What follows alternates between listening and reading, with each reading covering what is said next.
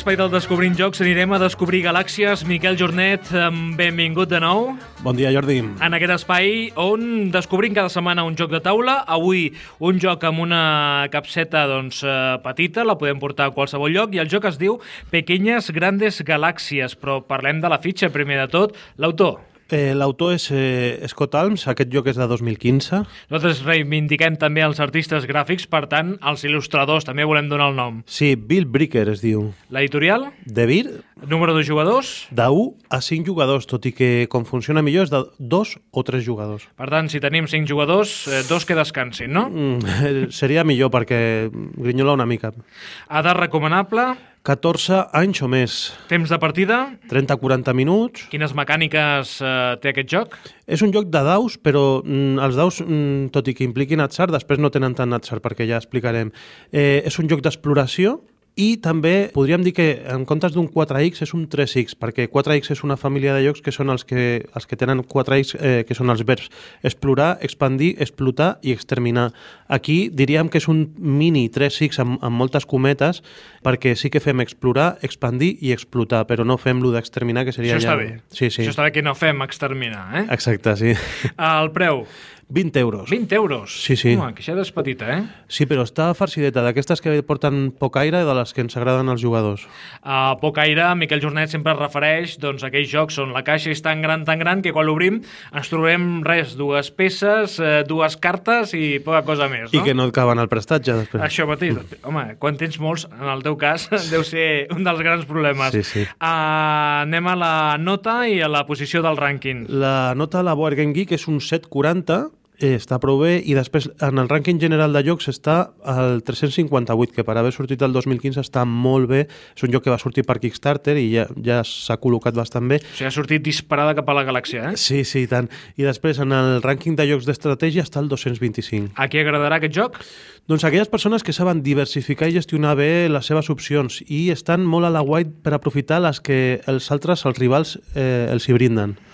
Mm, per tant, atents a la partida. Molt, molt, molt. Bueno, en qualsevol joc hem d'estar sempre, suposo, Miquel, estar atents al que nosaltres hem de fer, dels objectius, però també el que fan la resta per mm. veure doncs, quina possibilitat podem fer la nostra, però Aquest si joc- podem evitar que els altres facin la seva, també, no? Aquest joc tenia un perill de convertir-se en un solitari multijugador perquè tiraves els daus, feies lo teu i passaves els daus a l'altre i l'altre feia lo teu, però li han afegit una mecànica molt interessant que pots copiar les accions que fan els altres, o sigui que has d'estar molt atent als daus que tiren els altres i dir, ep, jo aquesta acció que t'ha sortit en aquest dau la vull copiar.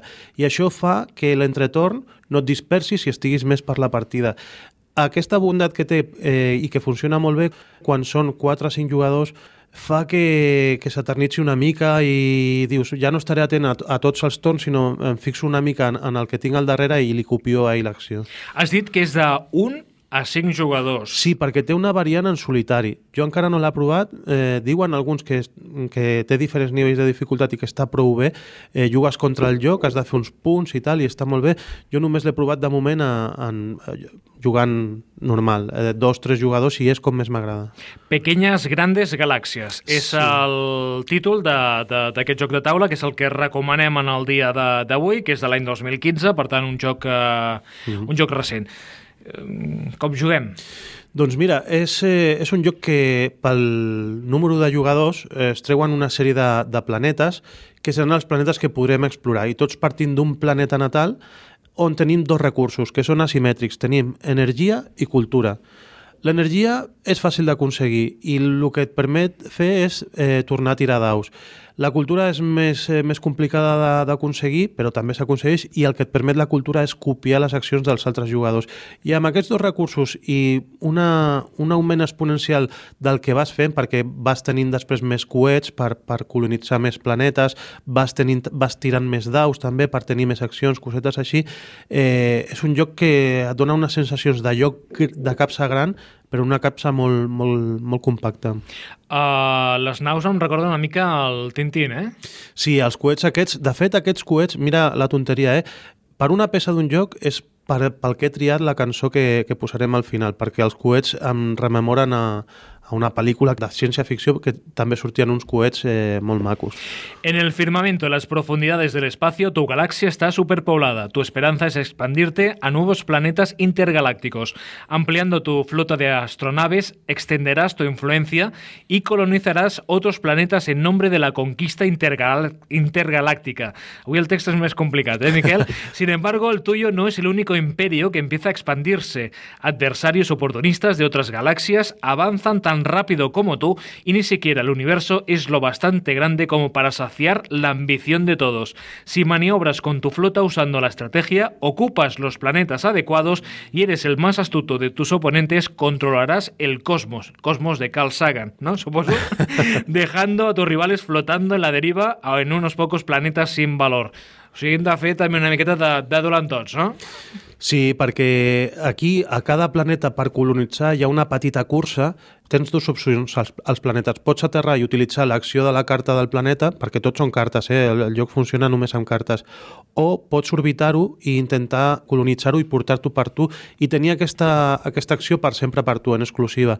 I això mmm, ja pique moltes vegades dins d'un planeta per intentar colonitzar-ho i hi ha unes minicurses dins de cada carta que ho fan molt interessant. La veritat és que és un joc super bo, que l'únic només té aquest punt negre, eh? que igual a 4 o 5 jugadors mm, costa una mica de seguir pel tema d'aquest ara qui li copio, són sempre moltes accions eh, eh, per ronda i, i bueno, costa una mica. Després, la qualitat, boníssima, les cartes de molt bona qualitat, les peces de fusta, els coets, eh, els marcadors mm, també molt bé, fins i tot pintats, i els daus gravats, eh, que són de molt bona qualitat, i també molt aprofitable tot, perquè fins i tot la capsa té la contra, tu tires allà els daus i després tens una, tens una targeta també, que és la d'Arsena d'activació, o sigui que amb targetes, cartes, eh, marcadors de fustes i les mateixes, eh, la mateixa capsa serveixen per jugar i ho han trobat molt bé pertany a una família de jocs que és la família eh, Tiny Epic o Pequeños Grandes, que abans hi havia el Pequeños Grandes Reinos, que estava eh, basat en un, en un univers eh, medieval, però eh, és un joc totalment diferent. Pequeñas Grandes Galàxies és el segon títol d'aquesta sèrie, vindrà un tercer que és Tiny Epic Western, que ha sortit ja en anglès, però no sabem si Devir s'atrevirà a, a publicar-ho en castellà, perquè també són jocs molt diferents, poden agradar o no poden agradar. El Tiny Epic Western està basat en una mica en les mecàniques del pòquer i igual tampoc agrada tant.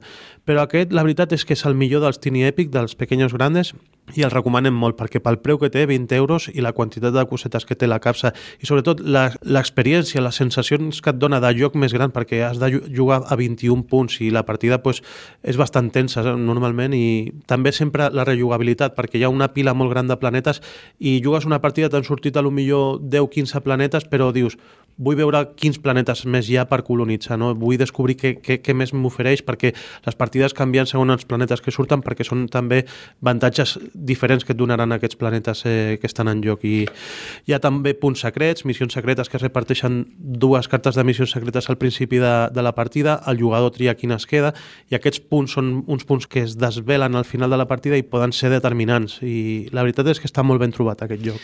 Doncs Pequeñas Grandes Galàxies, el joc que recomanem avui en aquest espai del Descobrint Jocs i quina és la música. Has avançat alguna cosa abans? Sí, no has dit quina pel·lícula es Una pel·li molt bona, a mi m'encanta. Gataca és una pel·li de ciència-ficció que envelleix molt bé perquè surt molt poc, les naus surten molt poc, són gairebé simbòliques, però sí que surten uns coets d'una persona que té aquest somni d'anar a l'espai i amb aquí a Pequeñas Grandes Galàxies també ho aconseguirem, eh, però la pel·lícula també és boníssima, del 97, eh, i la música és de Michael Nyman.